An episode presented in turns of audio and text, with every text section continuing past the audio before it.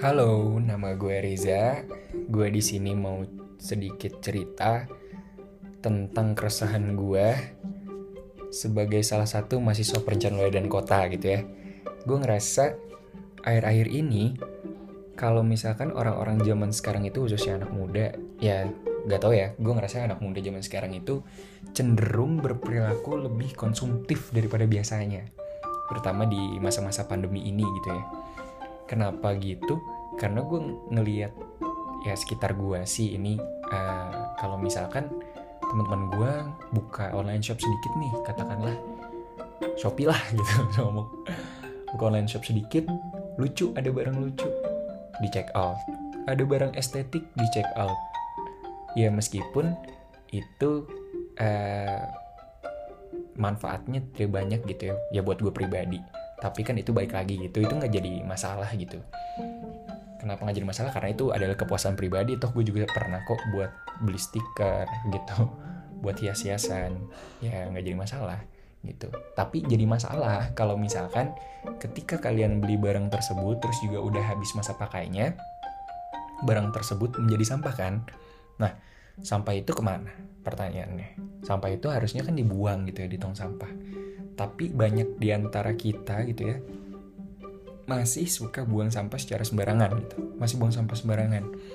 Kan seharusnya buang di tong sampah terdekat gitu. Jelas-jelas sampah ya buangnya di tong sampah atau di tempat sampah gitu. Itu menjadi keresahan gue toh kenapa sih orang masih buang sampah sembarangan? Gue juga masih sering lihat di jalanan gitu banyak sampah berserakan. Ini bukan di jalan-jalan yang sepi gitu ya tapi di jalan-jalan besar gitu yang terlihat terang benerang gitu baik siang maupun malam tapi sampah tuh masih berserakan. Kan gue jadi bingung gitu.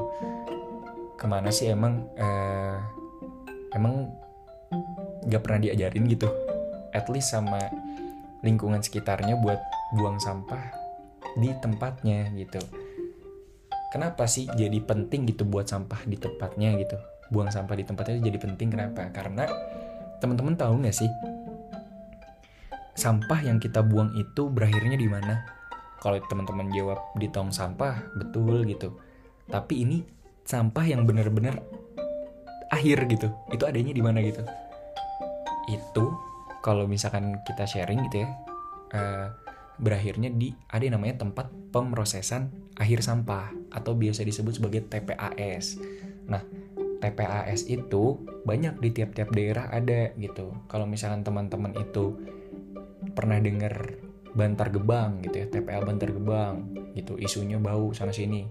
Nah itu merupakan salah satu TPA yang besar gitu ya karena dia menampung sampah-sampah yang ada di Bekasi dan Jakarta sekitarnya.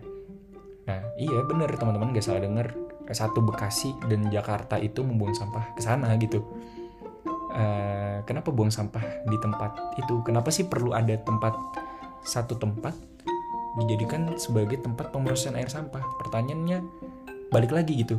Terus sampahnya mau ngendep di mana gitu di rumah gitu kan gak mungkin. Kita harus olah sendiri. Kita kan gak bisa semuanya gitu. Gak semua orang bisa melakukan hal tersebut, mengolah sampah dengan baik, dijadikan kompos, dijadikan bahan bakar lagi. Gak semuanya orang bisa. Nah, makanya pentingnya buang sampah pada tempatnya adalah itu karena sampah-sampah yang kita buang di tong sampah rumah kita nantinya akan diangkut. Kalau misalnya teman-teman suka ngeliat truk sampah, itu tuh dibawa ke mana sih? Nah, kalau teman-teman yang belum tahu atau penasaran, itu tuh dibuang ke TPA itu atau tempat pemrosesan sampah air, pemrosesan air sampah itu gitu dibuang ke sana. Itu kan jadi belibet ngomongnya. Nah, selain kita bisa uh, buang sampah pada tempatnya, sampah-sampah tersebut uh, juga bisa kita manfaatin gitu uh, saling kita buang ke tong sampah ya gitu ya. Baik itu tong sampah individu kita maupun tong sampah publik. Nah ngomong-ngomong tong sampah publik nih uh, gue juga ada sedikit cerita gitu. Ternyata banyak ya maling-maling uh, barang-barang publik tuh. Banyak banget gak cuma uh, kursi atau apa aja gitu tapi dia tong sampah itu diambil gitu loh tong sampah yang gede. Dan emang kalau misalnya kita lihat itu tuh harganya mahal sih itu. Pernah waktu itu gue pernah ke salah satu ke supermarket gitu ya.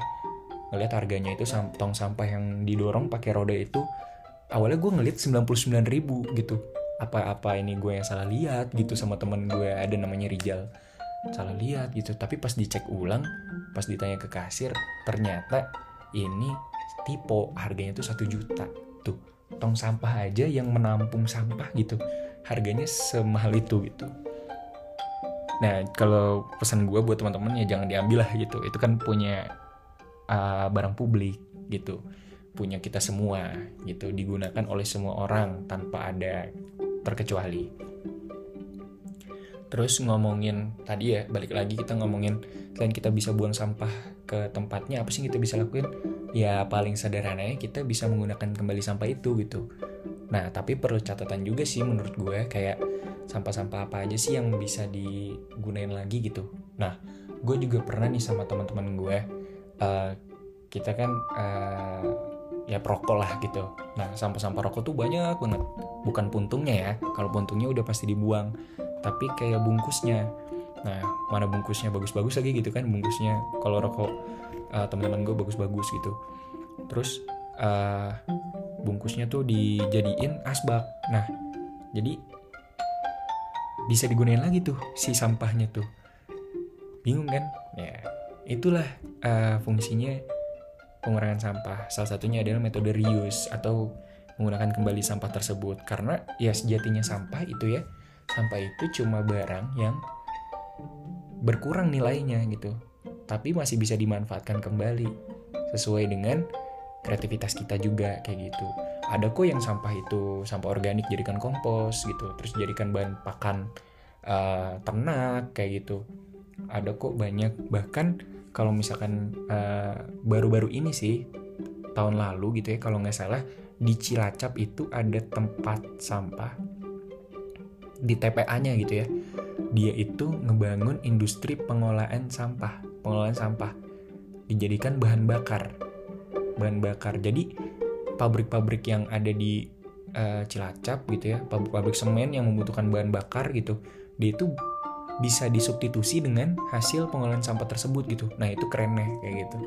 Jadi sampah tersebut bisa segitunya loh gitu ternyata sampah-sampah yang selama ini kita uh, hasilkan gitu sampah-sampah dari aktivitas manusia itu bisa ke sana arahnya. Terus juga sekiranya kalau menurut gue hal apa aja sih yang bisa kita lakuin gitu? Ya salah satunya tadi gitu tanamkan gitu bahwasanya sampah yang kita buang itu sebetulnya merupakan salah satu barang yang tadinya berharga dan sebetulnya bisa dimanfaatkan kembali gitu apabila kita punya ilmunya. Nah, tadi kan kita ngomongin ilmu kompos ya, itu kan perlu ada ilmunya gitu. Terus juga ada uh, dibuat sebagai bahan bakar itu perlu ilmu, ilmu gitu. Tapi ada ilmu yang paling sederhana gitu teman-teman, yaitu adalah dengan membuang sampah pada tempatnya. Gue Reza, semoga pesan-pesan gue ini tersampaikan buat lo semua. Terima kasih.